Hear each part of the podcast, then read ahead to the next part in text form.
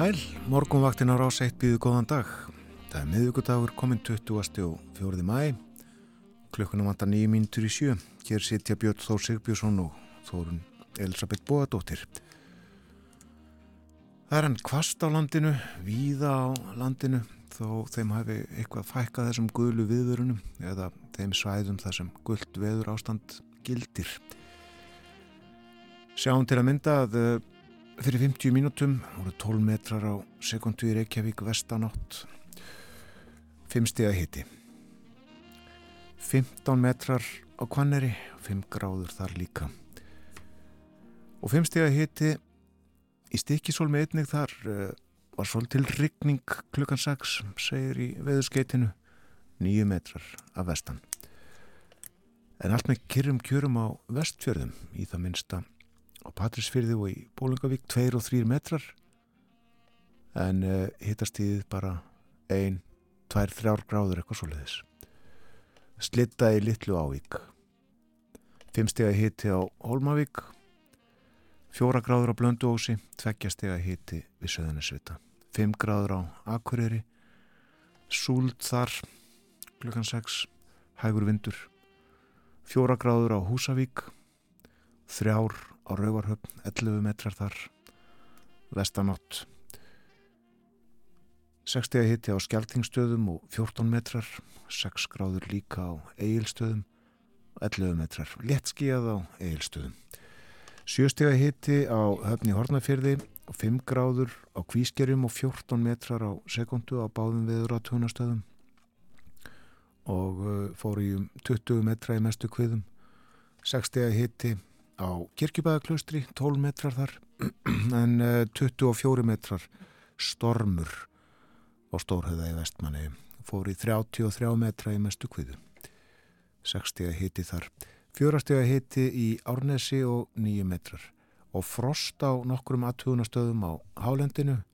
Einst tvekja og þryggjastega frost og kvast 15, jafnvel 20 metrar.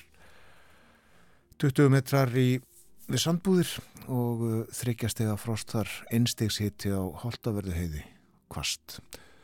Þetta var yfirleitt yfir verðið eins og það var fyrir 50 mínútum en hvernig verður þetta í dagþórun?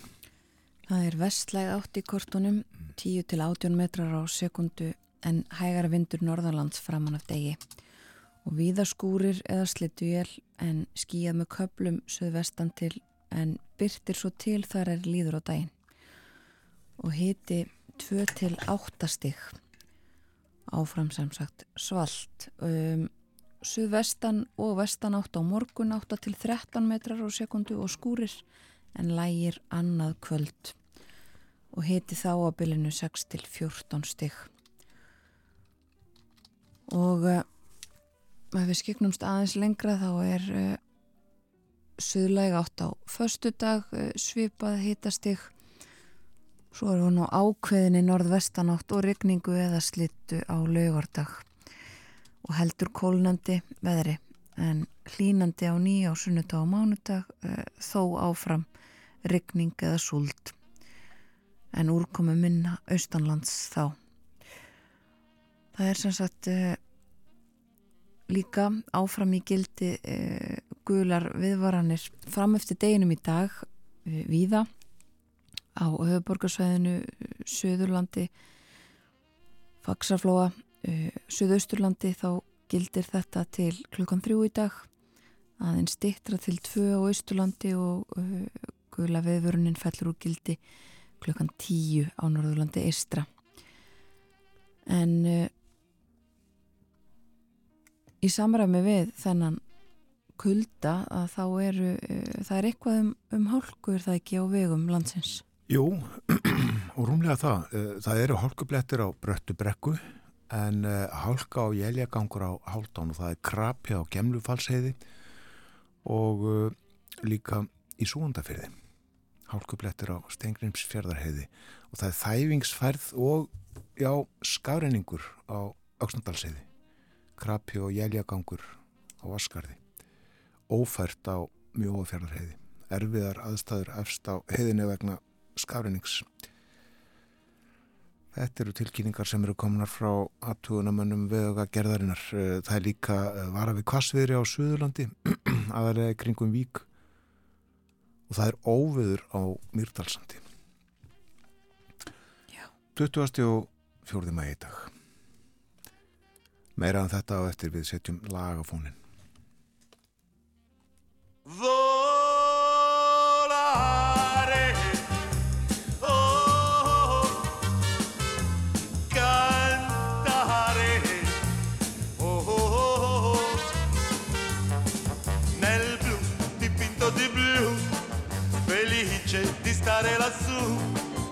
volavo, volavo felice più in alto del sole ed ancora più su, mentre il mondo pian piano spariva lontano laggiù.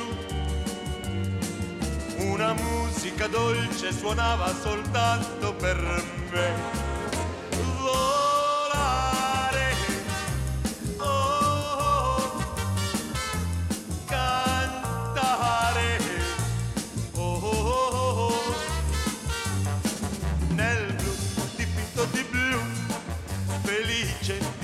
lassù.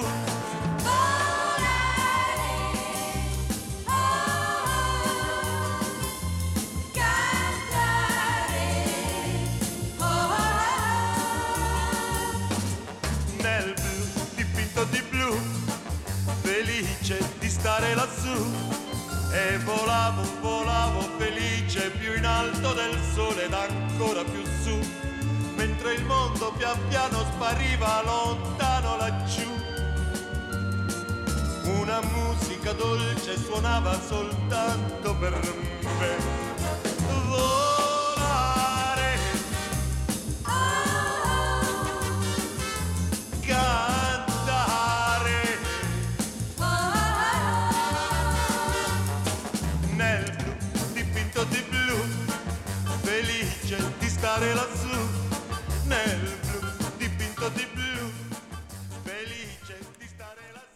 Líf og fjöri, þessu aldalis Volare. Nel blu dipinto di blu. Domenico Uduno samti og söng. Hann var mikil stjarnar í heimalandinu Ítalíu á sínum tíma. Leikari og tónlistamæður og þetta var aðalægið árið 1958 feikilega vinsæltum allan heim. Og uh, við leikum það, þar svo sem ekki sérstakka ástæðu til þess að spila þetta lag. En uh, við leikum það vegna þess að við ætlum að staðnæmast eftir emitt við viðburð sem var 1958 það var nú ekki stór viðburður í sögunni en skiptu okkur máli. Gerði Reykjavík skemmtilegri, betri á sinn hátt á sínum tíma meira en það á eftir. En uh, af Dominíko er það að segja að uh, þegar hann hætti í listinni í söngnum og leiknum þá fór hann í stjórnmálinn, kom reyndir ekki til af góðu, hann uh, lendi í bílslisi og lamaðist að, nei, nú ferir ránt með, hann fekk heilablóðfall og lamaðist hálfu leiti þarum bil og fór þá í stjórnmálinn til þess að berjast fyrir bættum hag öryrkja. Dominico Moduno Volare. En framöndan eru fréttir hjá okkur hér á morgumaktinni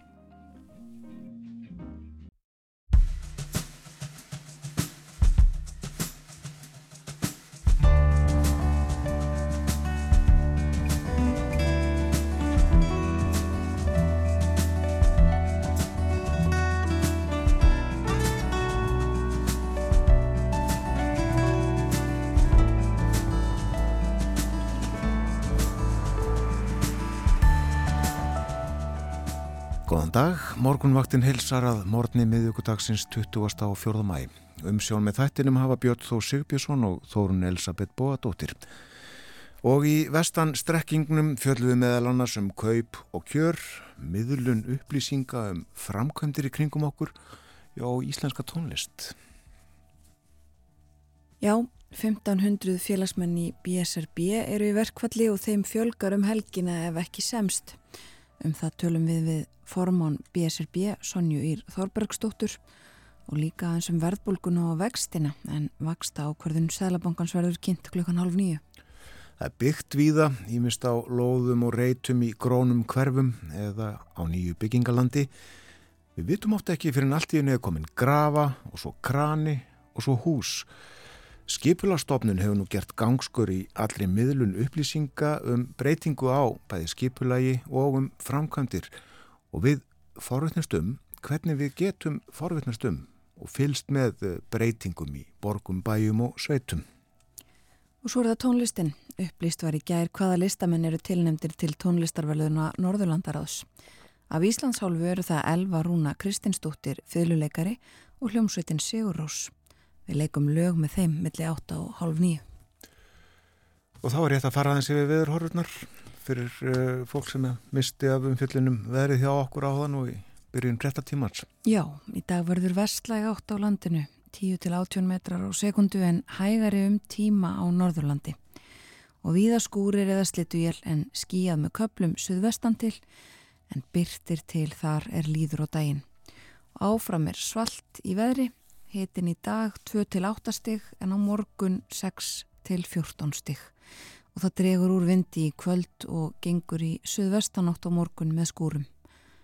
Og uh, það verður hlýjast suðaustan til á morgun og svo sínist okkur að veðri verði nú svona e, svolítið kaplaskipt að það skiptist á, það verður svona einn landsluti næstu daga sem kannski sleppur við leðinlegasta veðrið en það er áfram regning, slitta og súld e, svona í veðurspáni einhver staðar fyrir hvern einasta dag næstu daga. Já. Og uh, ekki að hafa yfir hér uh, tilkynningarnar frá vegagerðinni. Þetta er eiginlega alveg með ólíkindum. Það er krapi á Háldón og í Súundafyrði og hálkublettir á Gemlefallsheiði og Stengninsfjörðarheiði og það er þæfingsfærð og skafreiningur á Öksnadalsheiði. Krapi og jæljagangur á Vaskarði. Ófært á Mjóafjörðarheiði. Mjög kvast uh, víða á Suðurlandi, engum þó kringum vík, uh, óveður á Mýrdalsandi. Já, uh, við fylgdust með löfblöðum falla af trjámikjar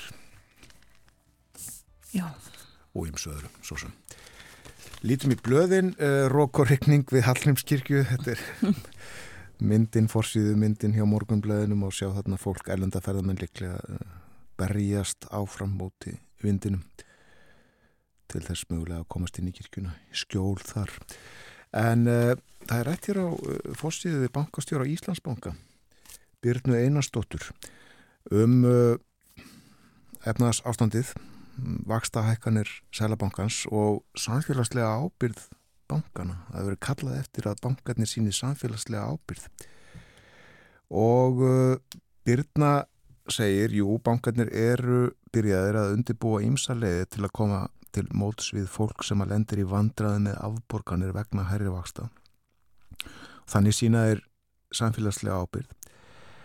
En uh, hún segir að bankarnir verði þó að hækka vexti í samræmi við stýrivasta hækkanir Sælabankans. Annars verður ekki að sína samfélagslega ábyrð. Þeir uh, verði að leggjast á áratnar með Sælabankanum til að vinna gegn verðbólkunni. Og rætt við byrnum sem sagt í viðskiptamokkanum í dag.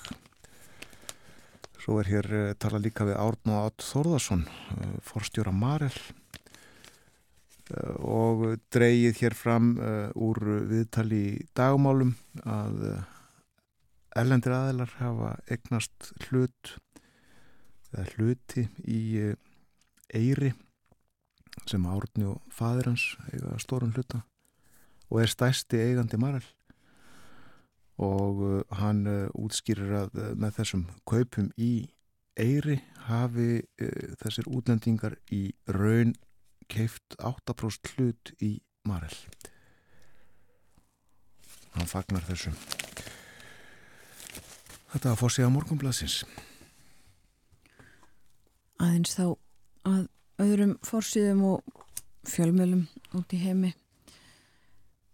Það er uh, fjallað um stöðumála í Úkrænu og Rúslandi víða um, eins og alla daga, lefið mér að segja.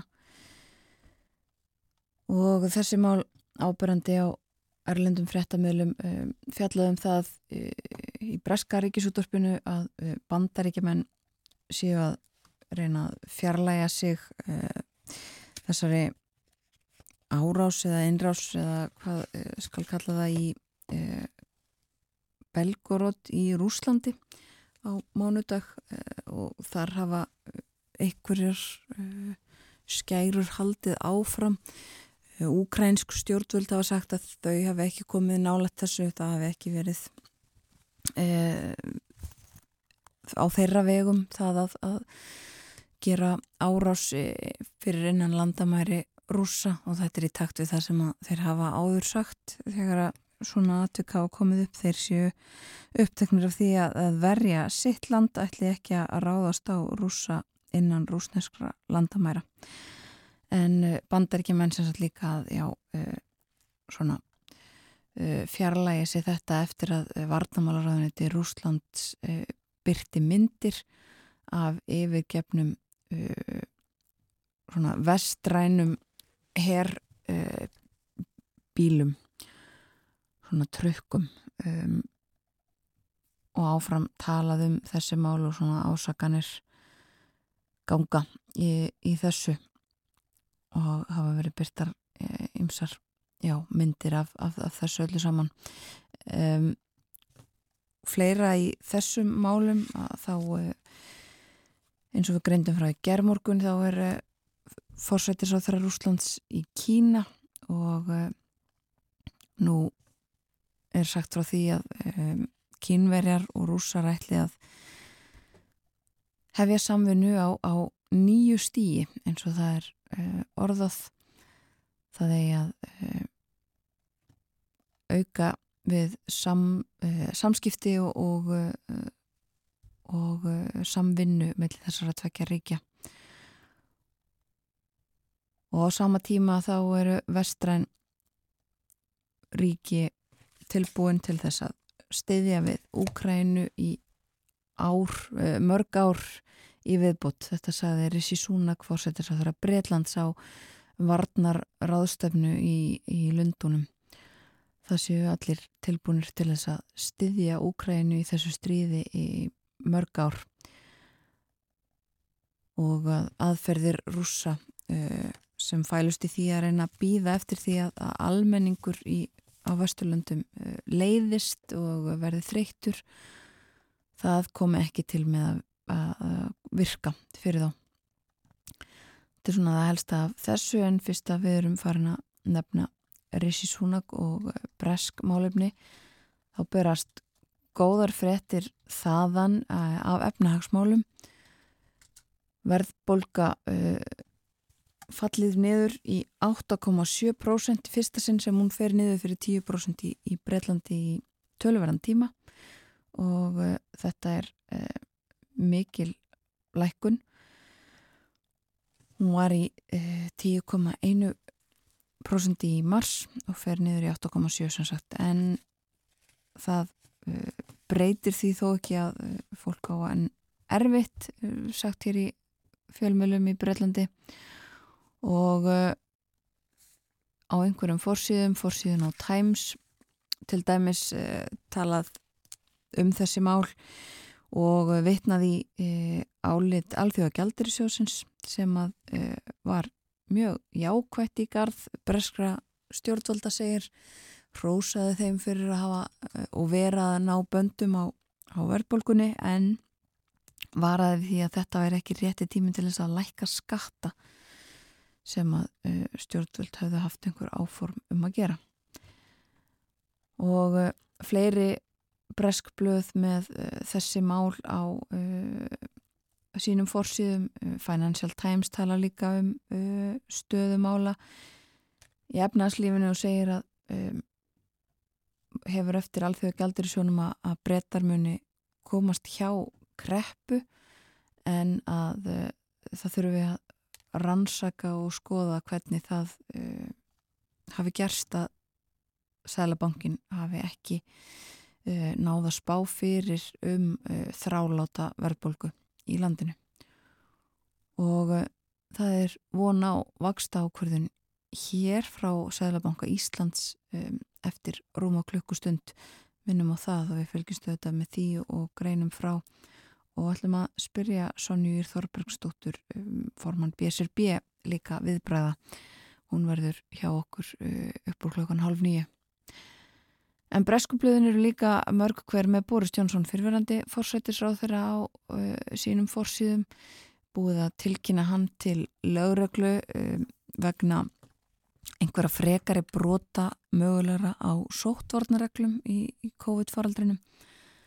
Hann uh, fekk sekt munum það uh, vegna brota á sóttvarnarlegum uh, samkúmu banni og nú er verið að uh, tilkynna hann fyrir uh, já, að minnstakosti nokkur brot möguleg til viðbútar og uh, kannski fyrir sjáanlegt að hans helstu samstarfsmenn og stuðningsmenn hafa fordum þetta og segja þetta vera uh, nortnaveiðar það sé verið að reyna að koma höggi á Boris. En það er uh, kunnulegt stef eitthvað sem við heyrum líka oft í bandarískum fjölmjölum, bandaríski stjórnmálumenn uh, tala um nortnaveiðar á hendur sér Donald Trump ekki síst og nú hefur komið ljós að uh, Trump uh, verður um, í réttarhaldum, hann verður látin látin svara til saka í, í, í máli þar sem hann meðal annars er sakaður um að hafa borið fjö á, á klámstjörnu sem hann átti í einhverjum samskiptum við. Þetta hefur verið mikið til umfyllunar og, og réttarhaldin sagt, verða í mars 2024 og þá verður kostningabaráttan í algleimingi í bandaríkjunum og Trump búin að tilkynna þetta um frambóð til fórsetta aftur. Og svo eins og heyrðum í fréttunum áðan sagt frá því að sá sem talin er verða helst í keppinutur hans um uh, útnefningu republikanaflokksins Ron DeSantis ætli að tilkynna um frambúð sitt í dag. Sér þetta gott að fréttum í byli. Við leikum hér áðan uh, Volare nel blu, de pinto de blu með Dominico Modugno kom út 1958 en uh, nokkur síðar uh, söng Óðinni Valdimarsson þetta lag með íslenskum texta sem Valgir Sigursson gerði við skulum hlusta á þá útgáðu.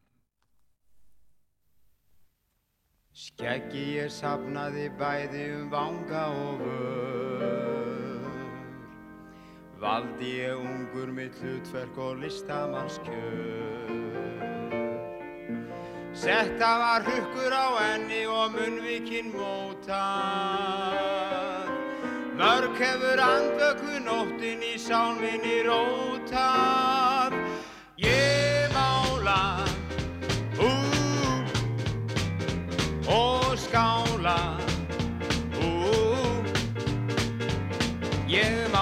blátt og nýblátt og blanda svörtu við grátt.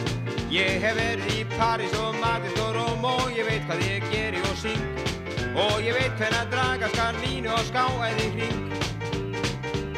Og í Barcelona var mér bóðið á listamannsting Já, listi Ú, mig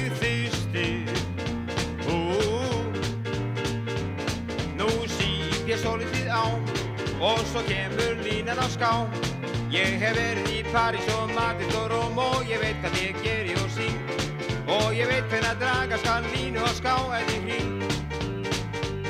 Og í Barcelona var með bóðið á listamannsting Ég mála Ú og skála Ú Ég mála blátt og nýblátt og blanda svörtu við grátt. Ég mála blátt og nýblátt og blanda svörtu við grátt. Ég mála Ú og skála Ú Ég mála blátt og nýblátt og blanda svörtu við grátt. Ég mála blátt og nýblátt og blanda svörtu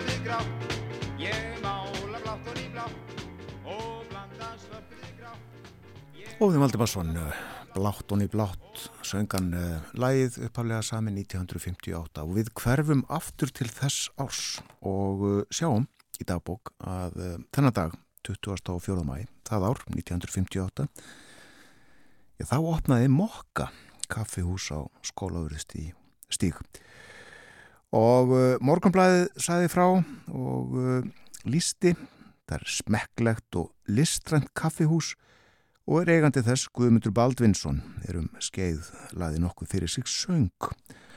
Kaffihús þetta kalla Guðmundur Mokka. Þegar hann var á Ítalíu við söngná kynnti hann sér hinn ítölsku kaffihús er hafa á bóðstólnum hið víðfræga espresso kaffi. Og áfransæði í umfjöldu morgunblaðsins í gærdag bauð Guðmundur nokkrum blaðamönnum til kaffidrykju. Kaffihús þetta er mjög skemmtilegt. Geta má þess til dæmis að veggir eru allir klættir með ólíu bornum hessingstriga. Húsgögnin eru létt með fallegu áklæði, ljósteppi á gólfi. Á veggjum hanga málverk og myndir eftir Braga Áskesson og Bjarnar Jónsson. Veggteppi er eftir Barburu Árnason og högmynd eftir Jón Bendiktsson svo nokkuð sér nefnt. Niður í kjallarannum eru snirtiherbergi. Hefur Haldur Hjálmsson arkitekt ráðið tilhögun allri. Guðmundur bar síðan fram ímis afbríði af espresso kaffinu og einnig tyrtnest kaffi lukum enn upp einu munni um að hér væri vissulega um ósvikið kaffi að ræða. Sumum fannst tyrkneska kaffið jafnvel taka hennu ítalska fram. Guðmundur síndi gestum sínum espresso kaffivélina en kaffigerðin byggist á því að við gufu þrýsting frá þessari vél er náð öllum kraftinum úr kaffi sem malað er jafn óðum. Ég er hérna með uh, uh, tilrönd til þess að hafa svolítil á, á, áhrifalljóð með þessu.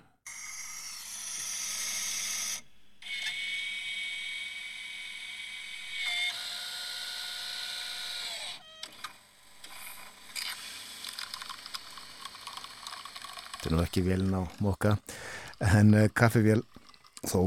Og uh, svo saði mokkin eftir að hafa sett í góða stundu kaffidrykju í þessu skemmtilega kaffihúsi kvöttu gestirni Guðmund. Hafði Karl Ísvald Bladamaður orð á því að það slægi út á sér svita eftir þessa kaffidrykju en það er því haldi fram af kunnum að einn espresso kaffibotli sé á borðið fjóra til sex botla venjulegu kaffi Og öll blöðin fjölluðu um þetta, eh, bladamönnum af öllum blöðunum í borginni, þau voru mörg á þessum árum að bóðið í kaffi hjá Guðmundi á Mokka og uh, alltíðublaðið uh, byrti hérna stutta grein um kaffi. Kaffið er neysluvara almenning sem víða veröld og þó eru úr kaffibönni framleitir svo ólíkir drikkir að ekkert er að heita sameigilegt með þeim nema nafnið. Má segja að hver þjóð hafi sína sér aðferðið að búa til kaffi og hefur svo verið um langan aldur. Tyrkir og Arabar hafa þó lengst af verið taldir mestir kaffibruggarar og aðferðið þeirra náð verulegri útbreyðslu á meginlandi Evrópu. En um síðustu aldamót gerðist sá atbyrður á norður Ítalíu sem allir því að Ítalir tóku algjör af fórustu í kaffigerð.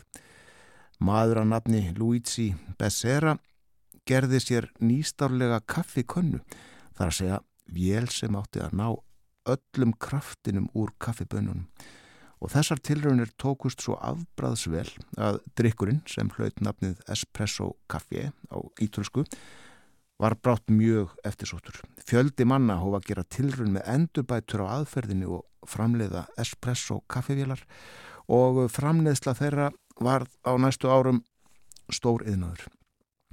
Árið 1933, röskum 30 árum eftir að Becerra gerði sína fyrstu uppgötun, þá voru verksmiður sem framleitu slíkar kaffivélar orðnar 22 á Ítalíu einni. Og nú eru vart finnanlegir kaffisölustæðir á Ítalíu sem ekki hafa espresso kaffi á bóstólum. Þá aðferðin sé fyrst og fremst ítölsk, þá breytist hún út um löndin umhverfi smiðararhafið og eh, síðan held espresso kaffið sigur för norður eftir meilandi Evrópu og hefur nú loks vonum setna náð til okkar hér á Íslandi. Ef dæma skal eftir áhuga þeirra Íslandinga sem kynst hafa drikk þessum á ferðalögum í Suðurlöndum verðist einsætt að espresso kaffið muni verða mjög vinsalt meðal þjóðar okkar og það er ótt að segja að það hafi gest. En uh, Guðmundur uh, bauð líka upp á uh, aðra nýjung, kaffinýjung á mokka, bæði cappuccino og kaffi latte. Já, mokka opnaði á þessum degi 20. og 4. mæ, mokka við skólafrústík, það var 1958 og mokka er enn á sínum stað og staðurinn svo að segja óbreyttur frá því sem var þegar hann opnaði á sínum tíma fastur punktur í tilveru margra. Og við eh, skálum fyrir eh, mokka í eh, kaffi þó ekki jafn góðu og fínu og það er bóðið upp á og á fjölmörgum öðrum kaffihúsum í Reykjavík og um allt land. En kaffi er það vissulega.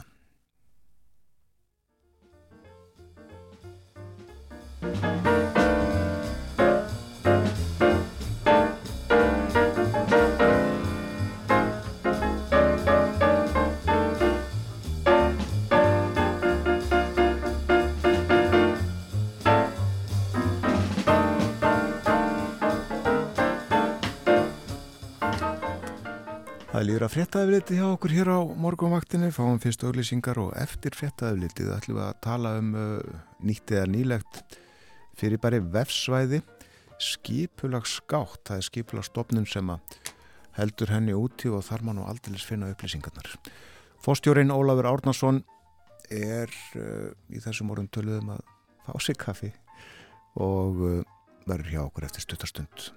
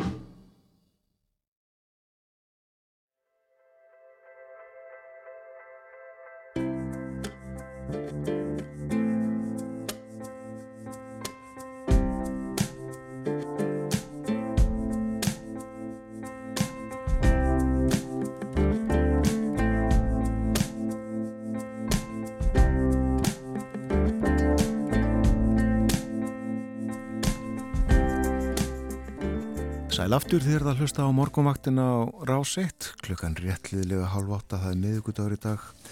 Vinnuvekan um það byrj hálnuð, 20. og 4. mæ. Og uh, það er alls konar ástand í landinu, bálkvast víða, það er krapi á uh, fjallvögum á vestfjörðum, krapi og hálkublettir, þæfingur á uh, Óksnandalseiði, skafrenningur, jæljagangur á Vaskarði og það er ófært á mjóafjörðarheiði svona svo dæmi séu tekin. Og uh, veðurspáin.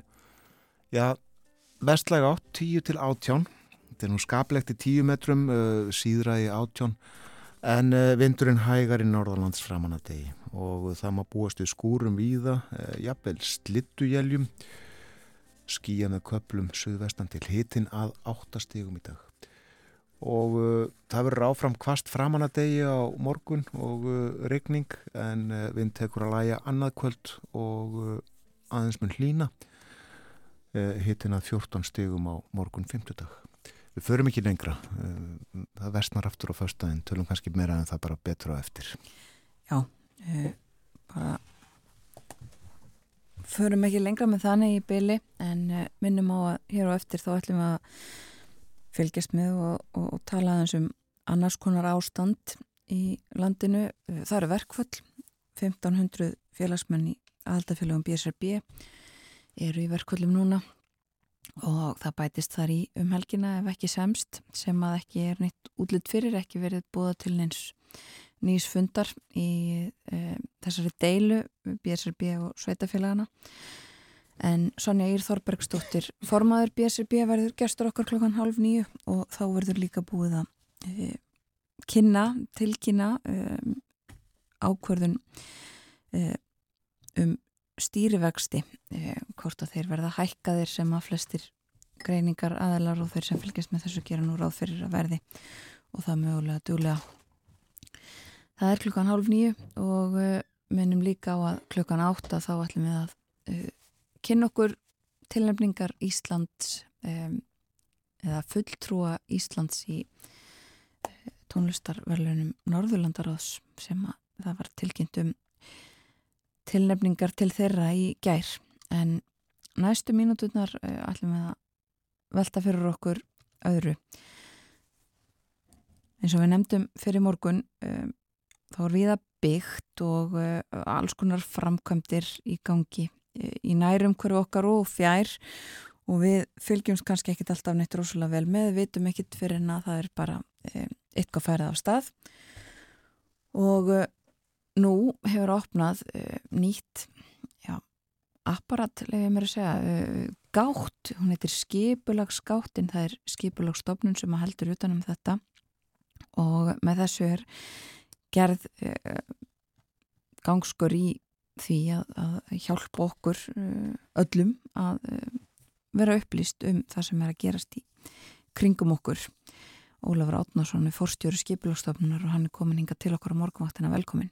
Takk fyrir. Ég held að þetta maður byrja á að fara bara aðeins yfir það hvað skipulagsgátt er, hvað hún felur í sér. Já, ég vil nú vilja byrja á því að vera pínu svona hóvær, við að segja hér, í mótni dags. Um, mér mjög líðið þannig vinnandi í þessum orðaflokki að við séum að skrifa alltaf nýjan kabla í skiplasögu landsins með, með þessari gátt. Um, eins og við nefndir að þá uh, eru víða framkvæmdir. Við erum einnig víða að, að vinna skiplasáallanir og vinna í umhverjusmati, framkvæmd og annað slíkt. Og allt er þetta málefni sem að varða okkur og við viljum fylgjast með. Og við höfum gert það þannig til þessa að um, þetta er auglist uh, hjá viðkomandi sveitarfélagi, hjá skiplóstofnun, gögg líka frammi víða og annað slíkt. En með gáttinni þá eru við núna að komaði þannig fyrir að öll þessi mál sem er í kynningu á hverjum tíma að þau eru aðgengilega á einu stað. Þannig að nú getur við farið inn á eitt stað og séð þá öll þau mál sem eru í gangi hverju sinni á landinu öllu. Og þetta eh, tengis bæði þá skiplásmálum en einni umhverjismati stóra framkvæmda og svo þá eh, framkvæmdalegum útgáðu þeirra. Þannig að eh, gáttin er í rauninni um, orðið svona sápunktur, sá snertipunktur sem við þurfum bara að hafa til þess að geta fundið út hvað er í gangi um hvernig kringum okkur. Já. Hefur verið þannig sem sagt þá að til dæmis hér á höfuborgarsvæðinu ef að mér langaði að kynna mér hvað var í gangi og nefnum við mitt það bara höfuborgarsvæði, mörg sveitafjölug um, og ég ætla bara að finna hérna eitthvað í þessari gátt þá hefði ég þurft að fara uh, á skrifstofur seltetinnisbæjar til þess að sjá núna til dæmis eitthvað sem að verður að auglisa þar fyrir nýjan leikskóla og fara svo eitthvað um, um, skrifstofur hafnafjörðabæjar til að sjá það sem að þar var í gangi og, og þar fram eftir göttunum það er, var, var bara þannig sem þetta var Við vorum nú komin aðeins lengra en það sem betur vel um, Sveitafélögum þau hafa haldið út í náttúrulega sínum heimasíðum Já. og ég hef vel uh, sett fram sérstakar samráðsvettfanga þegar þau eru að vinna í stórum verkefnum, þar sé að svoleiði síður. Þannig að við vorum nú komin þangað inn í hins afræna heima hægt var að nálga skögnin í gegnum F-síðu viðkomandi. Og það að vekja aðtiklu því og beina fólki á réttan stað, það er, það er þá alltaf verkefnið. mm, Um, það sem þú hefur þá þurft að gera til þess er að nálga skögnin, uh, fara yfir þau og viljur gera aðtöðsendir eða ábendinga við það, að senda það á viðkomandi. já, Um, með þessum hætti þá í fyrsta lagi e, getur þau skoða gögnin þarna en að samaskapi þá nýti skáttin til þess að, að gera aðtvarsendunar. Þannig að um, það eru ennþá auðvildara líka núna að þú ferð inn í málið, þú skoðar að það er á nærið gögnin, ef þú vilt gera aðtvarsendur við málið, að þá gerur það líka í gegnum gáttina.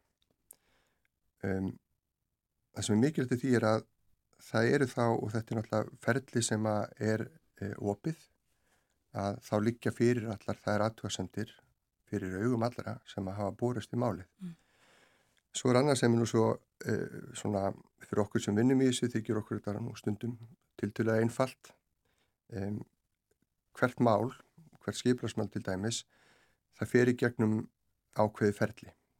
Það sem að kynning fer fram oftar en einu sinni. Mm Við byrjum ofta að vinna svo kallega skiplaslýsingu þar sem við í rauninni kynum áforminn og hvað það er sem við erum að fara að gera.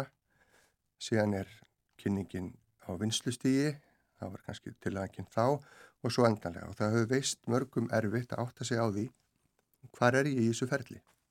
Eh, hvað er ég að gera núna við hvað er að gera aðtáðsendir og hvað er næst. Já, Og við reynum að hafa þetta þannig uppsett í skiplaskaptinu að þú getur átt að því á því án þess að vera einhver sérstakur sérfræðingur um þessi mál hvar þú ert stattur í ferlinu og hvað er framöndan og hver staða málsins er. Þannig að það er líka svona viðbútar fítus sem að ég held að muni skipta mjög miklu málu fyrir þá sem að eru kannski ekki að taka þátt í svona málum frá degi til dags já, og ég eftir að auðvelda þá almenningi hagsmunni að hann að gera það. einmitt. Ég held að ég get alveg sagt það eftir að hafa allavega skoðað þetta svona svo litið uh, núna undanfarið að, að þetta er mjög uh, svona uh, lýsandi þarna einmitt. Uh, maður sér hvar málið er statt, hvers konar mál þetta er, það er líka stundum flókið fyrir, fyrir almenning, sko, hvað er svæðis skipulag, deilisskipulag, aðalskipulag, veginn, hvað, uh, já, hvað er í gangi hverju sinni? Einmitt. Um, og ekki bara það heldur eins líka að stundum geta verið í gangi kannski tveir samhliða ferlar.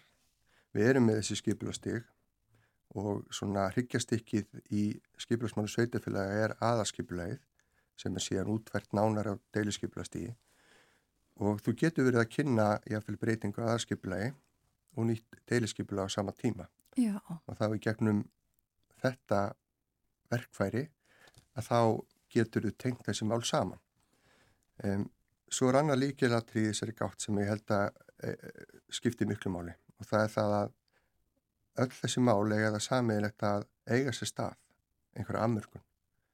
Við erum að tala um ákveði hverfi, við erum að tala um ákveðin veg, við erum að tala um einhver ákveðin svæði. Og gáttin er þannig sett upp að þú getur leitað eftir korti. Þú getur farið inn og ég hef nú stundum verið með þá samlíkingu, ég heldur þekkið það nú flest, það er nú annar miðill en ef við förum inn á fastegna við morgunblaðsins að þú getur farið þangað inn og þú leitar að húsnæði eftir korti. já, Og við erum að gera þetta með sama hætti hér, það er að fara hér inn og skoða landakort og þannig fara niður á mál. Ég held að þetta skiptir máli líka þegar þú ert að fylgjast með einhverju sem er akkurat í þínu nærumhverfi og þú vilt vita um það sem er að gerast í þínu hverfi að þessi uppsetning áttarinnar að hún sé landfræðileg og þú getur nálgast málinn þannig að það skiptir miklu máli já. og hefur nú tekist vel til með það. Já, það er hægt að skoða kortið og, og sjá hvar, uh, mál, uh, hvar á kortinu viðkomandu mál eru og, og bara sjá alveg heldar yfirleitt. Það er líka hægt að leita einhverju ákveðnu. Já, og svo sýnist mér líka er það ekki, það er hægt að uh, það er hægt að vakta einhver mál og það er nú kannski líka eitthvað sem að skipti miklu mála því svo er það í þessu öllu saman það er opið fyrir einhverja aðtjóðasemtir í eitthvað ákveði marga daga og fólk kannski missir af því eða gleymir en þarna er líka hjálp við það að, að fylgjast með og fá viðvörun ef þú ætlar til dæmis að senda inn einhverju aðtjóðasemti eða fylgjast með einhverju já, það er það er hægt að vakta mál það er líka hægt að gerast áskrifandi þannig að ef að þú ert sérstök áhugana kona um segjum orku nýtingu um, í ákveðinu sveitafélagi mm. að þá getur þú fengið áskrift þar sem að kerfið lætur þið vita þegar slík mál eru stopnið í gáttinni. Um, ef þú vilt fylgja sérstaklega með í þínu hverfi, þá getur þú farið inn í gáttina og þú getur afmarkað að segja að ég vil fá öll mál sem er að gerast í, já segjum, 500 metra fjalla frá þínu húsnæði. Þú getur sjálf afmarkað það svæði sem að þú vilt fylgja sérstaklega með. Og sé ekki að mál stopnað innan þess svæðis, skarast við það, að það myndu fá tilkynningu um það líka. Þannig að ég held að það hefur verið eh, ein af svona okkar megin áskorunum í skiplásmálunum núna og sérstaklega kannski í, í svona, getur við sagt ákveðnum breytingu sem er að verða bara varandi fjölmiðla hér. Það er hvernig getur við með þessum bestum hætti um, sko, einmitt látið fólk vita þegar mál fara að stað. Um, þú getur gert það með því að auglýsa í bladi og það er uh, skiplaslöfin segja til um það að þú eigir að auglýsa með ábrendi hætti á landsvísu og þá er hann spurningin hvar gerum við það? Já, Við gerum það í gegnum uh, morgunblæðið eða aðra prentaða miðla sem er að koma út í gegnum hérasblöðin sem að fara þá inn á hvert heimili en það er að verða að færa og fyrir kástir í þessu. Um, þannig að ég held að þetta hjálpi líka að þann vega ef að við náum nú að kynna þetta vel og þetta verður svona þjált fyrir okkur að, að átt okkur á að fara þarna inn að þá svona eru við að þétta aðeins þetta möskvanetum það að fólk vita því að það er eitthvað að fara að gerast í þínu umhverfi. já. Þannig að það er hægt að fara, sér að bara drögum þetta svona saman, eh, hægt að fara hann inn og það er hægt að vakta já, ákveðin svæði, einhvern radíus í kringum hann, hver, eitt hverfi eða götu eða, eða eh, hvað það er og þá, þá upplýsir gáttin mig um allt sem að e, gerist, allar framkvæmdir, allt sem að stendur til að gera og líka alla þessa fresti og allt, þannig að ég get alveg fylst með öllu saman á þess að hafa fyrir því Já, í raun og veru og ég vil samt nefna það að þetta tekur til skiplasmáluna umhverfismatsins og síðan útgáfu framkvæmdalega. Mm Þannig að það er, það er þau mál sem við getum fylgst með í gegnum þessa gátt. Já. Um, ef að þú sér síðan mál og gáttin hún lætur þið vita, hér hafið deiliskyplasferli fyrir þitt hverfi, þá getur þú farið inn í það mál á hvaða vakta það sérstaklega. Þá myndu fá upplýsingar um leið og eitthvað nýtt gerist í gáttinni til þið Þannig að, já, það, það er svona, það er svona megin atrið í þessu. Já, Þannig að við erum í rauninni með þessu að fara stíga svona enn en eitt skrefið bara inn í það að vera með, getur við sagt, stafrana þjónustu á sviði skiprásmála. Um, við erum að stíga enn eitt skrefið í átt að því að, að ná því markmiði að, að auðvelda almenningi aðgengi og gera þetta einfaldar og skiljarlega fyrir þá og að einfalda það með hvaða hætti þú gerir aðtóðsendir ef þú vilt gera það. Ef þú vilt koma ábendingar um eitthvað sem er að gerast í þínu nærumhverju. Sko skipulagsmál er oft umdelt og ekki síst einmitt í nær umhverfi fólks. Um, hafið þið áhyggjur af því að þetta muni flækja eða hæja á vinslu einhverju máli? Er það eitthvað sem hefur verið tekið til skoðunar? Um, ég hef ekki ágjörði því að þetta muni hægja á. Um, það er mín vona að það sé margt í þessu sem muni nýtast til dæmi starfsmennu sveitarfélagana við undirbúning mála og að halda utanum verkefnin. Og ég vona að okkur tekist vel til við það og nú er gáttinu að opna og við að sjálfsögðu vonum bara til þess að þeim, þau markmi náist. Um, það að fólk hafi tæki verið til þess að koma með ábendingar við það sem er að gerast í þeirra nærumhverfi um, er afinu góða. Um, ég hef ekki áhugjur því að það muni hæja á. Við viljum að sjálfsögðu stuðla þessari kynningu, við viljum að sjálfsögðu vand okkur við þá skiplöskjær sem við erum að vinna að og taka þá tilliti þegar sjónamið sem koma fram. Þannig að ég óttast það ekki að þetta muni leiða til eh, einhverjar hólskeflu eh, aðtúasemda sem að setja mál á golf, ef við getum áraðað sem svo. Fæst oft og, og yðurlega eitthvað gott út úr því þegar að almenningur tekur þátt í svona skipulagsferli? Ég held að þetta sé, þetta er, þetta er í grunninn líðræðislegt ferli og það að við fáum inn ábyrningar og, og vittneskum það sem fólk hefur áhugir af. Um, ég held að það er alltaf til bóta Mm -hmm. að fá, fá slíkar ábyrningar inn. Um, þannig að e, í rauninni þetta kerfi skiplarsmála sem er náttúrulega aðal stjórntæki hver sveitafélags til þess að móta byggðin okkar á landið.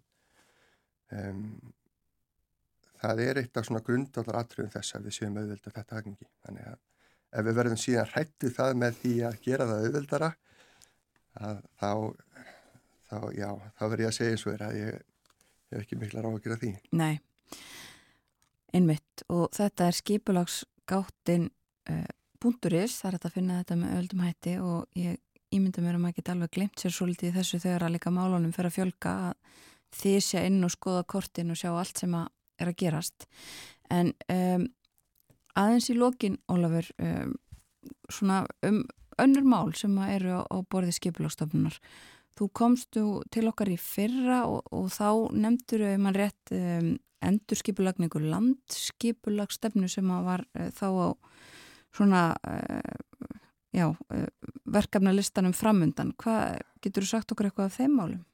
Um, já, um, við, það er núna akkurat, svo við byrjum þess að byrjunum með það, landskipla stefna sem slík, að hún er í rauninni þá uh, megin stefna uh, ríkisins varðandi áherslur í skiplarsmálum. Já, Og þetta er í rauninni þá leiðaljósið sem að sveitafjölu líta til við sína vinnu og önnur fyrirtæki og annað slíkt um, um svona megin stefnur okkar í skiplarsmálum áherslur og þar eru þá til dæmis áherslur í lofslagsmálum, áherslur varandi byggð og svo framvegis.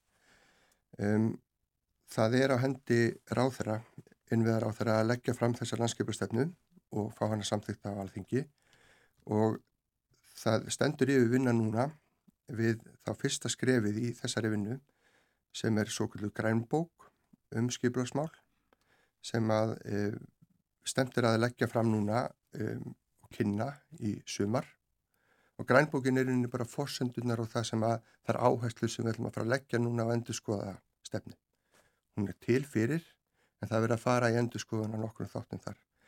Þannig að ég gerir áfyrir því að um, við munum sjá síðan á haustmánuðum um, þá höldum við áfram með vinnuna og vinnum sem sagt þá nýja landskipula stefni. Þannig að svo vinna er í fullum gangi eins og stendur Mhm. og mjög margt mikilvægt þar sem við þurfum að vinna að um, bæði ríki og sveitarfjölög og, og, og aðrir aðalar og þar kemur náttúrulega fyrst upp í huga minn atriði sem varða til dæmis uh, lofslagsmálinn okkar og, og hvernig við nýtum sko skipulag til þess að vinna þeim málaflokki. Um, það eru líka um, byggðun okkar, byggð og bæjaminstur. Um, það er áherslur þar og hvað var það og þá líka fjölbreytta samgöngum á það slíkt sem að framkoma í þessari áallun. Um, við erum líka að taka á hlutum sem að varða skiplarsmál eins og marga, marga aðra sem lúta að til dæmis orkumálunum, orkuframlýstunum okkar, orkuskiptunum og öðru slíku. Þannig að það eru mjög margi stóri máluflokkar sem eru undir já, í þessari stefni. Og er þetta svona stærsta verkefnið uh, framundan? Nú þegar skipulagsgáttin er Já, komin þetta- af stað? Þetta er eitt af stóru verkefnunum framöndan. Um, við erum síðan á flegi ferð með um, aðra þætti líka. Um, eins og ég nefndi því að komið síðast að þá kláruðum við og staðfestum strandsæðaskipula fyrir, fyrir vestfyrði og fyrir östfyrði og við erum núna að vinna í, í framfylgd þess skipulags og það stendur fyrir dyrum að fara að hefja sambarilega vinnu fyrir önnu svæði á landinu. Þannig að við erum líka að vinna í undirbúningi þess og það eru ímis önnuverkefni sem við erum einnig að vinna í núna uh, og hefja undirbúning að sem að snýr til dæmis að stafrænu skipulagi og það er sérst betra aðgengi að skipula skilmálum og öðru slíku. Þannig að það er eitt af verkefnunum okkar og svo síðustu verði ég að nefna líka að, að það er svona ákveðin áhersla átakja okkur núna varandi það að yfirfara okkar leiðbyrningar til almennings og, og, og, og sveitarfélag. Þannig að það er að nóg að taka Já, í skipulagsmálunum. ég heyri það og uh, minnum bara á það einu svona en að, að þessi skipulagsgátt er, er opinn og hægt að skoða hana vel sem var svona tilefni þess að við fengum þið hinga til okkar Ólafur Átnarsson, fórstjóri skipulagsstofnunar Takk fyrir að vera með okkur á morgunvaktin Takk kærlega fyrir.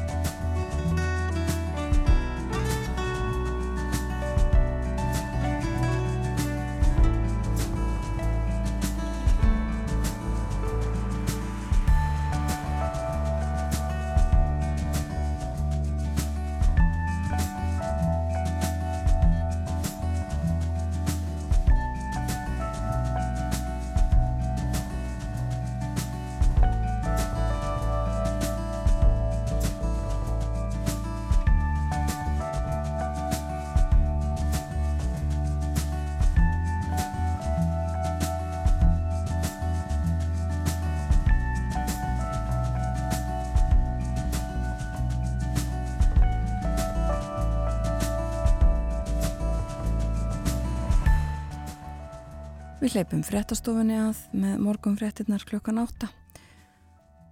Fjórar, nei, sex mínútur í það. Tilkynningar fyrst. En að fréttunum loknum þá ætlum við að snú okkur á tónlistinni. Við ætlum að skoða íslensku tilnefningarnar til tónlistarvelunar Norðurlandaráðs. Tilkynntum þær í gær. Og í lókþáttar verðum við okkur Sonja Ír Þorbergsdóttir, formadur BSRB. Við ætlum að ræðum verkvöldin og efnahagsmálin.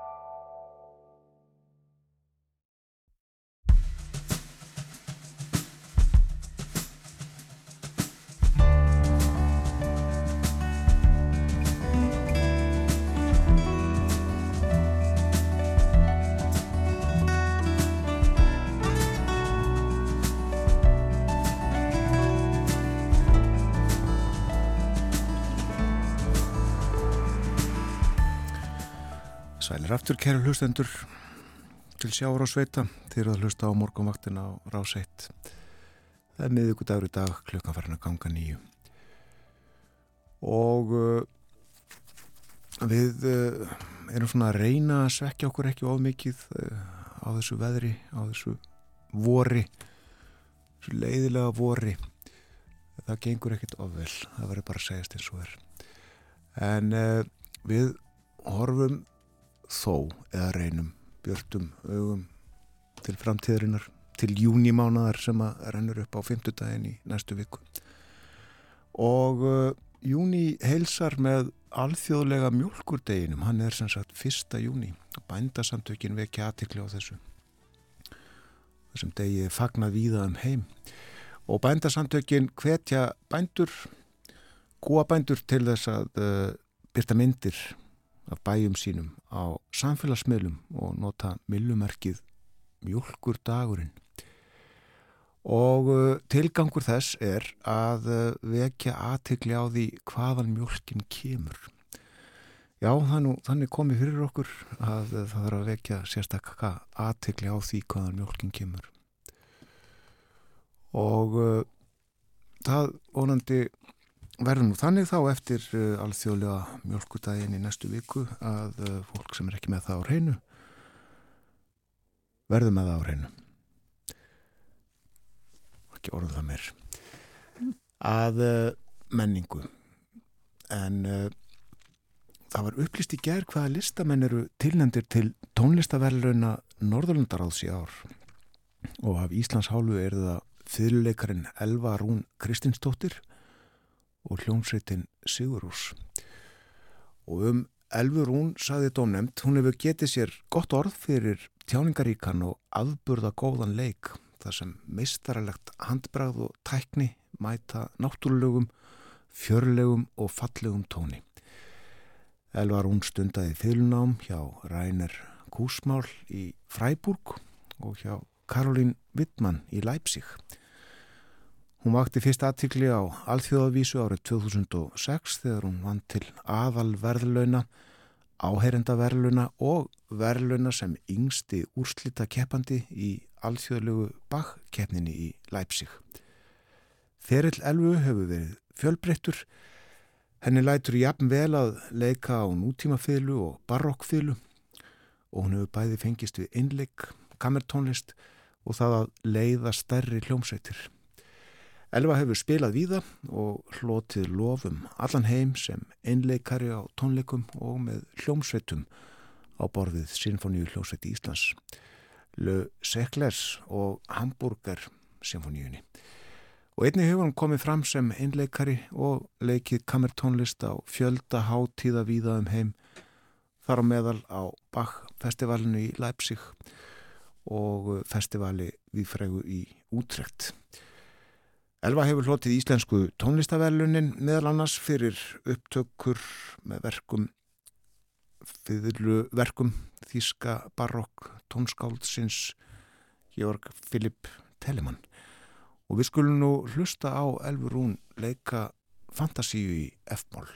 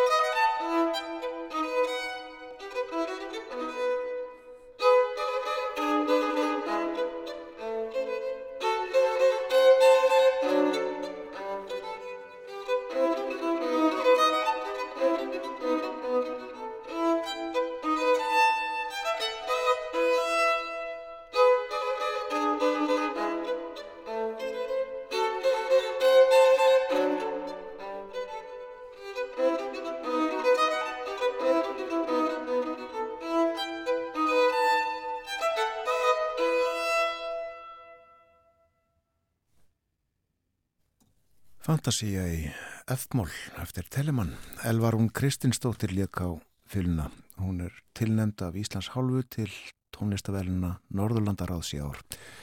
Og það er einnig hljómsveitin Sigurús og uh, um þá sveit saði raukstuðningi dómnefndar frá stopnun sinni árið 1994 hefur íslenska post-rock sveitin Sigurús skapa sér feril sem einkennist af afbræðskóðum lagasmýðum þar sem þættir úr sígildri tónlist og mínimalískri fagufræði eru nýttir auk óþreytandi tilrönamennsku og upplugs og hrífandi tónlistaflutnings.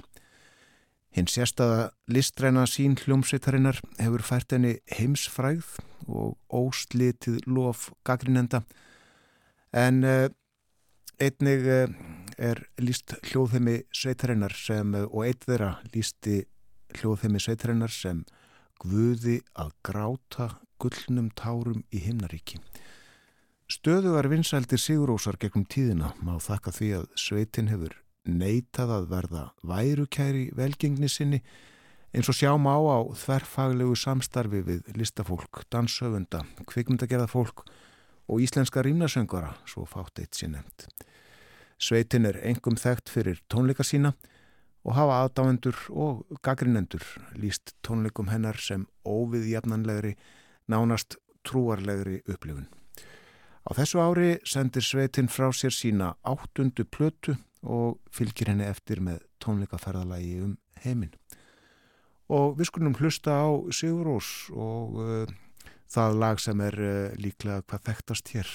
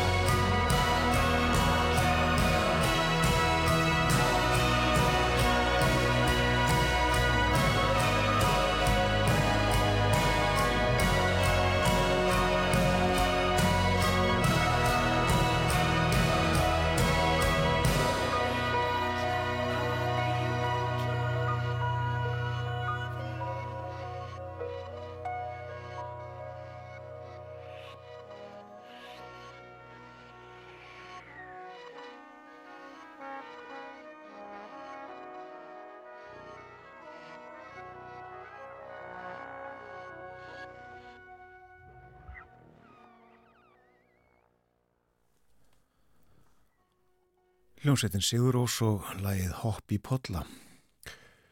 Tónlistavælun Norðurlandaráðs voru fyrst veitt 1965, svo 1968 og á tveggja ára fresti upp frá því og svo árlega frá 1990. Seks íslenski listamenn hafa hreftuði. Fyrst Alli Heimi Svensson 1976, tíu árum síðar Hafliði Hallgrímsson, Björk Guðmundsdóttir 1997, Haugur Tómasson 2004, Anna S. Þorvaldsdóttir 2012 og Gíða Valdísdóttir 2019. Og 2021 hlaut þau Æfur Pálsdóttir frá Færiðum. Okkur finnst við eiga pínlítið í henni líka. En það verður tilkynnt um uh, verðlauna hafan, uh, hann tafa tónlistaverðluna Norðurlandaráðs árið 2023 í Ósló 30. og 1. oktober. Og uh, þessi verðlun Norrlandaráðs með því sem að uh, er svona hvað þekktast í því samstarfi. En það er mitt verið að funda í Íslandsdeild Norrlandaráðs í dag. Og uh, meðal þess sem að þar verið rætt er formennska Íslands á næst ári.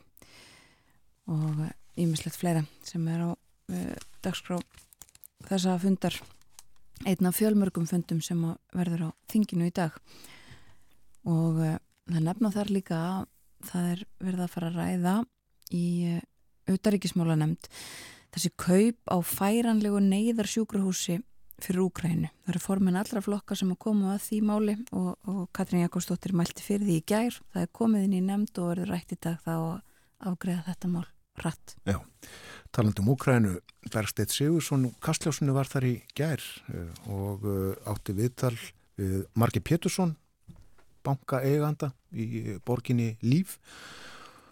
Og tilefni það að Össur lætur gott að sér leiða þar, það var áhugavert viðtal sem að Bergsteit nátti við margir veg aðtekli á því fyrir fólk sem misti af má finna þetta á vef Ríkisútarsins og uh, ef ég skildi rétt í gær þá erum við meira uh, frá heimsókn Bergsteins til uh, þessarar borgar í suðvestur hluta Úkrænu í Kastljósi í kvöld. En falleg frétt í morgunblæðinu úr skagafyrinum.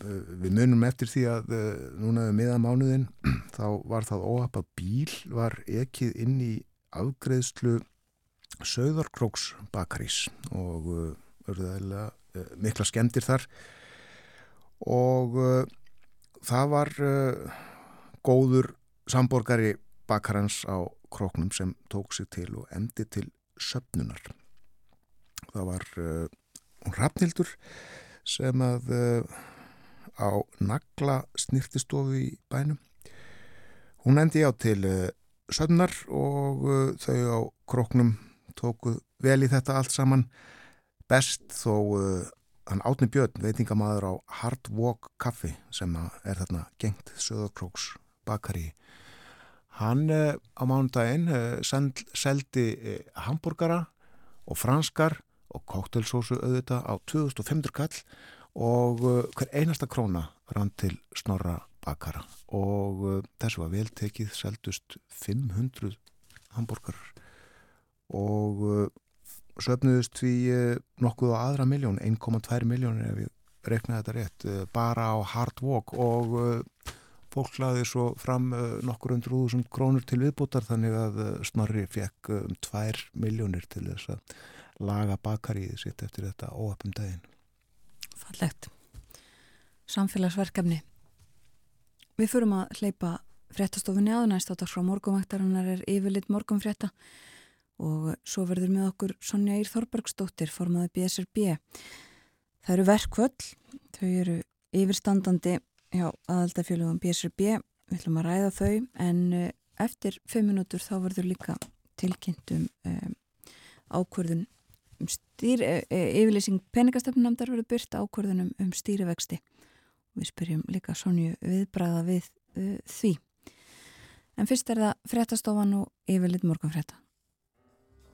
Thank you.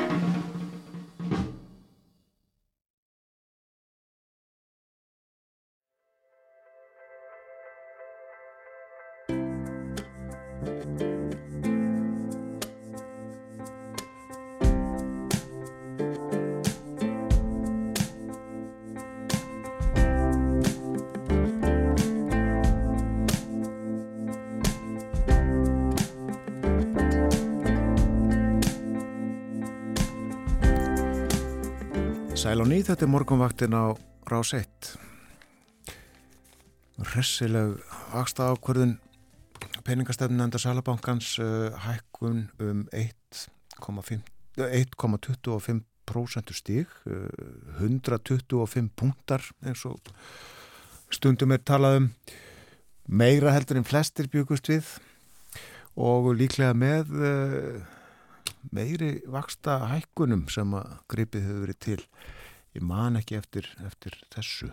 En í yflýsingu peningastefnunemdar sem að byrtir á vef Sælabankan segir efnahags umsvið hafa verið kröftu það sem afir ári og sangat nýri þjóðaspá Sælabankans er spáð 4,8% hagvexti á árinu í stað 2,6% hagvexti sem að spáð verið í februar. Þar vega horfur á meiri vexti innlendrar eftirspurnar þungt en einnig er útlitt fyrir kröftugri umsvifi ferðarþjónustu. Verðbólga mældist 9,9% í apríl, jógst lítilega milli mánada, undirlikjandi verðbólga heldur áfram að aukast og miklar verðhækkanir mælast í sífelt stærri hluta neyslukorfunar. Útlitir fyrir að verðbólgu þrýstingur verði tölvert meiri í ár og á næsta ári en áður var gert ráð fyrir. Verðbólgu vendingar til lengri tíma hafa jafnframt hækkað og eru vel yfir markmiði. Aukin hætta er því á að verðbólga reynist þrálott. Og í ljósi þess er nöðsynlegt að herða taumhald peningastefnar en frekar segir í yfirlýsingu peningastefnunemdar Engum er mikilvægt að koma í veg fyrir vikslverkun hækkandi launa og verðlags, sérstaklega þegar litið er til mikill að spennu í þjóðabúinu og hversu stutt er í næstu kjara samningarlótu. Horfur eru því á að hækka þurfi vexti enn meira til að tryggja betra jafnvægi í þjóðabúskapnum og koma verðbólgu í markmið. Þetta var yfirlýsing peningastefnu nefndar Sælabankans eh, frá því fyrir nokkru mínutum síðan og Til okkar á morguvaktina er komin Sonja Ír Þorbergsdóttir, hún er formaði BSRB. Við ætlum að ræðum verkföllin hér eftir smá stund en Sonja við erum að byrja á að uh, innaði viðbráða við þessari hækkun og þessari yfirlýsingu kannski ekki síst. Já, það var auðvitað viðbúið að það erði hækkun. Uh, við höfum svona bent á það að þetta eru þau verkværi uh, sem að Sælabankin hefur til þess að stemma stegu við þenslinu og reyna að ná tökum á, á verðbólgunni. En aftur á, á móti að þá eru þetta fleira sem þarf að gera í þessari stöðu. Við vitum að, að það eru mjög ólíkir hópar og svona hvernig þetta kemur við þá hér á landi og þeir hópar sem eiga hverfiðast upptáttar eru þetta þeir sem að hafa minnst á milli handana og þetta býtur á þau hvað fastast. Þannig að það sem að verður auðvitað að gera er að ríkistöldin grípið til aðgerð til að styðja við hennan hóp til þess að koma okkur öllum í, í gegnum þetta tímabil. Og það sem stendur upp úr að því að varða rannsóknarstofnum vinnumarkarins var að gera könnunum stöðu launafólks bara nýlega. Og þar kemur fram að í kringum helmingur launafólks eigi erfitt með hann á endum saman. Og þeir hópar sem að skera sig úr þar eru einstæði fóreldrar og svo er þetta þá fólk á leikumarkaði þannig að það svona blasir við að það þarf að grípa til aðgerða til að styðja við þau og þá er þetta horfið á barnabótakerfið. Og sömu leiðis að þurfa að koma á einhvers konar leigubremsu og auka stuðningin við þau sem er á legumarkaði. Það komu þetta líka sem að hérna, við töldum okkur vita fyrirfram að, þeir sem að eiga eigin húsnaði og eru með lán, að þeir sem koma vest úti eru þau sem eru með óverð til lán á breytilegum vöxtum og þá er líka spurning hvernig er þetta að mæta þeim hópi að við hefum svolítið verið að horfa til þess að, að húsnaði stuðningun heilt yfir, hvort svo átti eða ert að leia, að hann taki miða af þinni fjárhástöðu, mm. það sé verið að mæta þér þar. Já, það kemur fram þarna uh, í þessari yfirleysingu líka sko, þetta miklur verðhækkanir sem er að mælast í sífælt stærri hluta nýslukarfunar og það er auðvitað líka eitthvað sem kemur harðast niður á, á þeim sem minnst hafa milli handana. Já, og ef við sjáum bara eins og Kristín Lagarde og líka hefur verið hérna í, í fróðleiri samantækt BHM að Kristín Lagarde nú nefnir þetta græðgisbólgu og BHM hefur kallað um, um hagnadrifna hérna, verðbólgu. Og þá eru þetta hættan svo að, að sagt, hérna, veslanir séu einfallega bara að flytja þetta allt út í verðið. Og þá aftur stendur eftir þessi stóra spurning okkar, eru við öll í sama bátnum, eru við öll að reyna að axla hérna eða svona taka okkar hlutverk alveg í því að reyna að stemma stíðu verðbólgunni. Og ég held að hér á landi ef við tökum bara eins og hefur verið á hinnun á landun og hefur verið miklu meiri og sterkari umræð og eftirlitt með því hvernig hérna verðlaga er að breytast. Við höfum ekki alveg haft kannski sumu úræði eða jafn sterkar stopnarnir sem að segja það eins og er. Þannig að ég held að það sé líka mikilvægt að horfa til þess og það þurfu að vera einhvers konar uppgjör á þessu og það verður svona allir að taka þátt í að, að tryggja það að við sem að reyna að lekka verðbólguna. Það er mikilvægt að koma í veg fyrir vikslverkun hækandi launa og verðlags sérstaklega litið, þegar litið til mikill að spennu í þjóðbúinu og hversu stuttur í næstu kjærasamningalótu segið Sælabankin. Já, það er auðvitað þannig að það er ekki fólki á lagstu laununum sem er að skapa þensluna sem að hérna Sælabankin er að reyna að stemma stegu við með sínum ákvörðunum. Auðvitað þekkjum það, hvers skipti sem er verið að gera kjærasamninga þá er verið að reyna að stuðla kaupmætti og þá er verið að taka stuðun á hverjum tímapunkti. Um, en hins vegar verður að horfa til þess að við verðum að búa í samfélagi sem við tryggjum að fólk ná endum saman og geti liða mann saman til lífi. Þannig að allt verður þetta að horfa á þess að heldar hagsmunni. Á margt fólk í vandraði að ná endum saman? Já, með að við rannsóknarverðu og þá er um helmingu launafólks og þá er þetta sest, félagsfólk innan ASI og BSB sem að er að svara sem að hérna á erfum að nándum saman og það eru þá sérstaklega þessir hópar sem nefnda á hann einstæði fóreldrar og, og leyendur og svo er þetta líka fólk á ellendum uppurna að þau eru gætnan í hvað lagst launustu störfunum eh, hér á vinnumarkaði.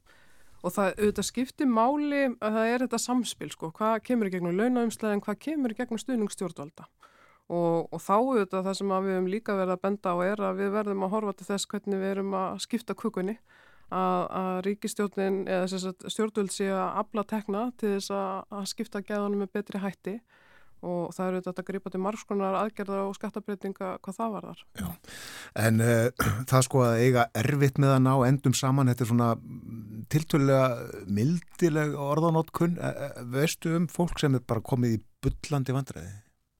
Sko, við tökum þess að einstæða fóreldrarna þá er, segir sko einna hverju sex, að, nei hérna sex að hverju tíu fyrir ekki, að þau eru upp með að endur saman. Eh, en í kringu fjórðungu þeirra, hann uppfyllir skilir þið með við spurningakönnuna eh, um það bara búa við fátækt, Sesta, hérna, þannig að þá ertu, þú veist, þú nærið ekki bara endur saman, heldur þú getur ekki uppfyllt hérna grunn þarfi barnana þina, hvort það er að að greiða fyrir það sem tengir skólanum eða frístundum eða einfalla bara svona sjálfsæðir hlutir í okkar lífi eins og að halda barnamali eða gefa gafir þegar þau fara í amali mm. eða kaupa kult á skóabötnin. Þannig að þess vegna, ég minn, þetta eru hópanir sem er í hvað viðkomistu stöðu, við vitum það líka út úr öðrum rannsóknum að sá hópur sem er hvað mest útsettu fyrir fátækt eru börn og, og það eru þá börn hérna, einstæðara fóreldra og öryrkja sem að enn og aftur sýnir fram á mikilvægi þess að það þurfi svolítið að stokka upp spilin og velta fyrir sér hvernig við erum að nýta okkar stuðningskerfi til þess að mæta þessum hópum. Mm. Þú nefndir já, barnabæturnar á þann og húsnaði stuðningin sem svona sérstök úrræði eitthvað sem að stjórnvöld getu uh, gripi til en uh, já, telur þú líkur á því að, að gripi verði til slíkra aðgerðir einhver teknolófti um það? Eins og staðan er núna þá auðvitað bara fyrir að koma að sumafríi hjá þingi og hérna bara ef við horfum til þess hvernig umræðan hefur verið undanförni og þá svona já við hefum ekki vonað að vera gripið hratt og vel til slíkar aðgerða en við auðvitað krefjumst þess og við teljum það brínt og við sjáum það bara út frá þessum þessar rannsóknu vörðu og bara mun fleiri mælingu sem við erum að notast hérna við að það þurfa að bregðast við núna en, en það sem við hefum haft áhyggjur af og hefum verið að benda á að það er ekki nægilegt að býða fram að gera kjærasamninga næsta haust af því að það eru svona margir að horfa til þess að þá verði einhvers konar samspil hérna eh, og samstarfi við stjórnvöld til þess að litka fyrir um gera kjærasamninga. Kjærasamningar á almennu vinnumökkaði þeir hérna, eh, gilda til sérst lók januar 2024. Þannig að þetta er allt og langu tími Þannig að við vunum bara að fara að brettu bermar og hefist handa við að, að finna réttu leðinar. Já, það er ekki hægt að beða þang til í janúar og næsta ári. Þegar fólk getur ekki beðið. Hlutið eitthvað félagsmanna á í eh, kjara viðræðum og kjara deilum núna, eh, er í verkföllum, eh, þetta eru starfsmenn sveitafélagana og eh, þetta er almennt fólk sem er ekki með mjög há laun, er það? Nei, það er svona, ég meina stærstu hlutið er að ég bara á, á lægstu laununum og, og við tökum svona að því að leikskóla starfsfólk sem er eitthvað stærsti hópurinn hjá okkur að þau eru kannski með á bilinu 400 til 470 krónur. Og, og svo er þetta þá starfsfólk grunnskóla sem er þarna á söpuðu bili. Eh, við erum með starfsfólk íþróttamannverkja og sundlega og bæjaskristóðum og í þjónustuðu falla fólk. Þannig að þetta eru mjög lág laun og við höfum verið sérst í kjærasansviðram að, að gera 12 mánuða samning Eh, þær viðrar hafa staðið við núna næstu fjóra mánuði sem að segja kannski sitt hvað um, um hvernig gengur oft í kjærasansviðranum En það er þannig að, að, að því að við erum, sem sagt, það eru 19 aðaldafjölu innan BSB og við erum alla jafna hvað mest að semja við Ríki, Reykjavík og Borg og Samband Íslenska Sveitafjöla og við erum búin að ganga frá kjærasamningum við Ríki og Reykjavík og Borg en svo komu upp bara mjög sérstakar aðstæður í tengslum við kjærasamninga hjá Samband Íslenska Sveitafjöla sem að leiði til þess að okkar félagsfólk telur að, að það er þá réttlótu og sangjörnu kröfu um að verði leiðréttu munur á launum þeirra og fólk sem að starfa þeim við hliðið í sambarlegum störfum innan sveitafélagana, sérst allra 63 utan Reykjavíkur. Og þar svona strönduð þessar viðræður. Og síðan er það þáttu viðbútar þegar við höfum verið að ræða fjárastöðu fólks að, að fólk sem starfar á, á leikskólam er á hvað lægstu laununum hér á landi og á hvað er við að menna á endum saman E, hjá Reykjavíkuborg hefur verið sami um sérst aukagreislur til starfsfólks leikskóla og þeirra sem starfið þjónustuðu fallafólk til þess að lifta þessum launum frekar og þá auðvitað finna þau líka samanburðin þarna á milli að hvort það skiptir máli hvort þú starfir í, við þessi ómisandi störfi í Kópói eða Árborg e, samanburðið við Reykjavík þannig að svo krafa er einni á borðinu. Var það bara val eða, eða ákvörðun Reykjavíkuborgar að vera ekki með uh, öðrum sveitafélögum í samlingagerni? Já, þau hafa ekki, ég reynda kann ekki hversu mörg ár aftur í tíman það hefur verið, þau eru þetta innan sambandsílska sveitafélag en það hefur verið svona á grundveldi starðar Já, og formaður sambandsveitafélagi þetta borgarfulltrú í Reykjavík. Já, einmitt. Og hún var í fréttum í gær og, og, og saði þar að sambandi væri alltaf vilja gert til að ná samningum. Sveitafélagin væri bara í erfiri stöðu, talað um fjárástöðu sveitafélagana. Um, ja, hvað segir við því sem hún hafa að segja um þetta? Sko, ég minna ef við horfum á bara aðstöðumun sveitafélag sem atvinnureikanda sambúri við einstakling sem er bara að reyna að draga fram lífið og, og ná endum saman.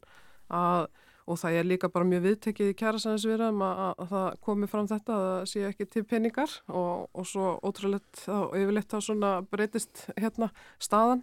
En sko það sem að skiptir höfum áli í þessari umræði er ef við kannski bara endurspikla það sem að hérna þessu hitti hérna leikskóla starfsmann í, í vikunni sem að segir ég er að starfa hérna á leikskóla og vinnum á, á deild og, og hluti að fólki er í BSB og hinn hlutin er í öðru stjættafélagi. Við gerum það nákvæmlega sama yfir daginn, við sinnum sömu börnunum, við knúsum og klöppum og, og förum út í leik og starf. Eh, Manneskja við hliðin á mér fekk hérna launahækun fyrir janúar, februar og mars en ekki ég og þá þetta segir hún, ég spyr mig þá, er ég minna virði? Eh, af hverju eru við ekki að fá sömu laun eins og nákvæmlega sama starfi? Það eru þetta 20 ára saga um það að tryggja vegna þess hvers, að þetta er sumu störfun undir að tryggja sumu laun e, í gegnum þessa kjærasemninga fyrir utan auðvitað starfsmat og jafnlaunavottun og bara jafnrættis áallinur og mannuðstöfnu sveitafélaga. Þannig að ég, svona, ég held að það þurfi að horfa sérstaklega til þess hvaða áhrif þetta hefur inn á vinnustöðum að þau vitum auðvitað þegar fólku upplifir að að það sé ekki að fá það sama á aðrir, að það sé vera mismunað í launum, að þá hefur það áhrif á svona þetta hennan tröst og, og trúnað sem við höfum þegar við göngust inn í ráningarsamband við hérna okkar atvinnureikundur og þetta getur svona áhrif á, á bara öryggi fólks og, og hvernig þið líður almennt. Og við vitum að það hefur verið mjög mikil ólga innan vinnustada og við hefum heyrt frá fjölda stjórnenda sem að vilja fá leirritning á þessu að þetta hefur það neikvað áhrif á vinnustæðin sjálfan og við höfum farið fram á að þetta er þá leiðrétt með einhverjum hætti, hvort sem væri með afturvirkni eða með 128 skronar engreislu eða bara hvaða leið sem er, svo lengi sem þetta andvirði skila sér, þannig að fólk upplifi ekki þessa mismunni í launum, en það hefur engin vilji verið til þess og ég svona hefur áhyggjur af því að það sé ekki verið að horfa til þess hvaða ótrúlega neikvæða áhrif þetta hefur inn á vinnustæðina sjálfa og þá er spurning sko hvaða hagsmunum er verið að fórna.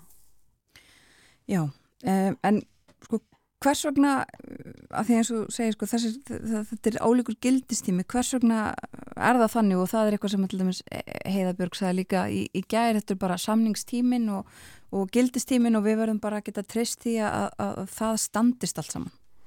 Já og það er líka bara mjög góð spurning okkur það er ólíku gildistími. Þegar við vorum að ganga frá kjærasamningum árið 2020 að þá voru hérna allir okkar viðsemundur, Ríkir Reykjavík og Borg og sambandið að horfa til þess að gildistími allra kjærasamninga erði til mars 2023 og svo verður þarna frávik, eh, ég heyri það að, að hérna, það var nefnt að sambandið var að semja við um, um 60 stjættafélög og það eru þarna þá þrýr kjærasamningar sem sambandið er að gera við stjættafélög af þá öllum þessum 60 sem eru með gildistíma til loka september 2023. Um, það eru þetta alveg rétt og ég minna ef að staðan væri svo til dæmis að, að sambandið hefði gert kjærasamningu hjúkurnafræðinga eða eitthvað álíka að þá væru þetta ekki uppi þessi krafa. Uh, ég minna við vorum ekki með þessa kröfu uppi kakvart Reykjavík og Borgur Ríkina því voru ekki suma aðstæður. En hins vegar þegar síminn byrjar að ringja okkur í februarmáni og, og okkar fólk skilur ekki okkur það er að læri launum heldur manneskinn við hliðin á sér að þetta blasir við að þurfa að gera eitthvað til þess að laga það og þess vegna er okkur bara skilt og, og við höfum ekki umbútt þessu undir þetta kjærasamninga nema að verði gengið frá þessu hratt og vel þannig að þar sittum við í þessari stöðu mm. Sambandi hefur sagt að þið einfallega bara fara með uh, þetta þá fyrir dóm uh, ef, ef þið tellið brota á uh, jafnbrettislögum eða sko en það kemur það til greina af ykkar hálfa að gera það? Nei, að því að við vitum það að þetta myndi fara sko fyrir hérastóm og svo mögulega þá eitthvað lengra þegar það, höfst, eftir hvernig niðurstaðan hérna yrði. E, það getur tekið 1-2 ár e, eins og við nefnt á þann, þetta er fólk á lánlaunum þannig að munarum minna og hvort það vantu upp á 128 áskrónur áskrundvelli. Þetta er 25% munur á launahækkunum fyrir árið 2023 hjá þessum hópi ef að öllu óbreyttu e, með þetta tilbóð. Og ég held líka enn og aftur sko þarna í þessari stöðu að svona að sveitafélum þurfa að vega og meta heildar hagsmunna af því hvað áhrif þetta hefur inn á vinnustofunum, hvort það sé þess virði að, að vera svona, já, að eru vel að koma með þessa lína að fólk hefur bara leita til domstóla af því það eru fæsti sem að skilja nokkuð í þessu og, og það auðvitað hefur áhrif á hvernig þú upplifir virðinguna hvað þér og þínu starfi. Já, einmitt og, og það er engan bilbu á fólkinu sem er í verkvalli að finna. Það er hugur í fólki þar. Já, það er mjög mikill hugur og við sáum það bara í atkvæðagreslunum með verkvöldina. Það hafa verið nokkrar og þetta eru stígumagnandi aðgerðir hjá okkur. Að það hefur verið mjög góð þáttaka og bara afgerandi niðurstöða. Þetta hefur verið svona yfirleitt á bylunu e, svona 85 til hérna, jafnvel 100% sem að segja já og svo eru þetta núna búið að vera fundir við það. Er yfirleitt þannig að fólk sé kallaði í húsi á stjættafyljónum sem eru 11 e, á hverju mótni og áðurinu fara út í sína verkvælsvöslu og þau bara standa mjög keik og standa mjög stert saman. Og enn frekar er verkvöldi á samþygt uh, í síðustu viku uh, og það bætist í um, um helgina, er það ekki? Hvernig verður svo stígandin í þessu ef ekki semst? Já, sko, í þessari viku að þá er þetta aðalega störð sem er verið að leggja neyður í grunnskólum og, og leikskólum og svo er þetta hérna, höfnin í, í þólasöfn og síðan þá um helgina og þetta er sérst, já, hjá tíu sveitafylum í kringum 1500 manns og svo um helgina þá verður þetta aðalega sundlögar, við tökum eins og Akureyri og Borganesi, kvítasunni helgin um, og þá er þetta komið upp í 20 sveitafjölu sem að aðgerðinni hildir að, er að beinast gegn og svo þá eftir helgina þá heldur áfram í, í, í leikskólum og, og frístund og svo framvegs en, en 5. júni að þá verður þetta mjög umfósmiklar aðgerðir. Þá eru umverulega bara öll þessi störf sem að e, okkar fólk er að sinna e, innan sveitafélagana. Það verður að leggja þau niður í meira og minna og, og þetta er þá komin 29 sveitafélag sem Já. er það undir. 29 sveitafélag og uh, mun umfangsmeiri aðgerðir frá 5. júni. Það er ekki búið að bóða neitt nýjan fund í, í, í milli samlingsæðala. Við, hérna, þegar síðasta fundi lauk að því að það er einfallega þannig að við erum búin að við erum alveg búin að ræða þessa hluti í hörgul uh, sem maður segir bara eins og er. Og hérna búin að ræða það fram og aftur og ég held að við vitum nákvæmlega hvar hérna, hinn aðilinn stendur. Um, hann að ríkisáttasemjörnir sá ekki tilöfni til þess að bóða annan fund af því að það, var, umverulega hefur ekki orðin en breyting í þessum samtölum sem hafa verið. Þannig að það er ekki búið bóða nýjan fund en við þetta vonust til þess að, hérna, að sambandið svona vegumiti þessa hildarhagsmunni og, og síni aukinn samningsvilja. Við fylgjumst áfram með þessu uh, þessari deilu, það eru verkvöldin svo segir í, í dag uh, höfnin í Þorlákshöfn og svo eru það grunnskólar í dag. Og uh, svo heldur þetta áfram næstu daga. Og það múi sjá yfirleitt yfir þetta sé núna inn á uh, BSRB öll þessi sveitafélög og allar þessar aðgerðir. Takk fyrir að koma til okkar á morgunvaktina Sonja Ír Þorbergsdóttir og ræða bæðum efnahagsmálinu og verkvöldin. Takk fyrir.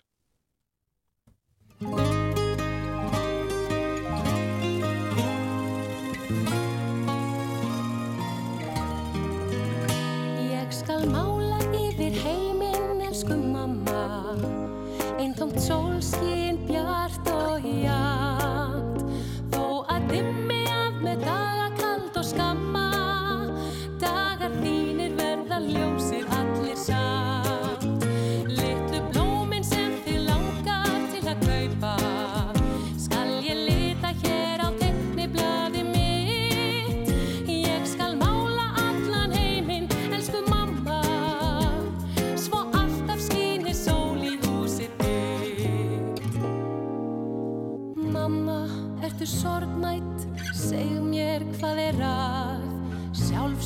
get ég málað Gleði yfir það. Ótal fína liti Á ég fyrir þig. Ekki gráta mamma Brostu fyrir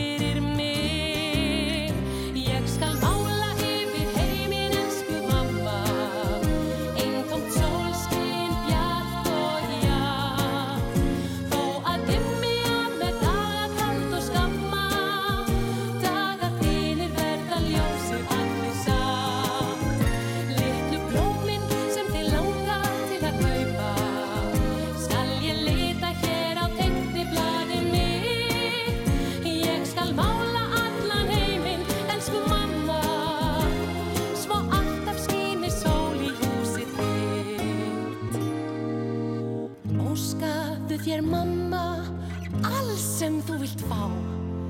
En þá á ég liti til hvers sem verða má. Allar heimsins stjörnur og ævintýra fjöll. Óskaðu þér mamma, svo lita ég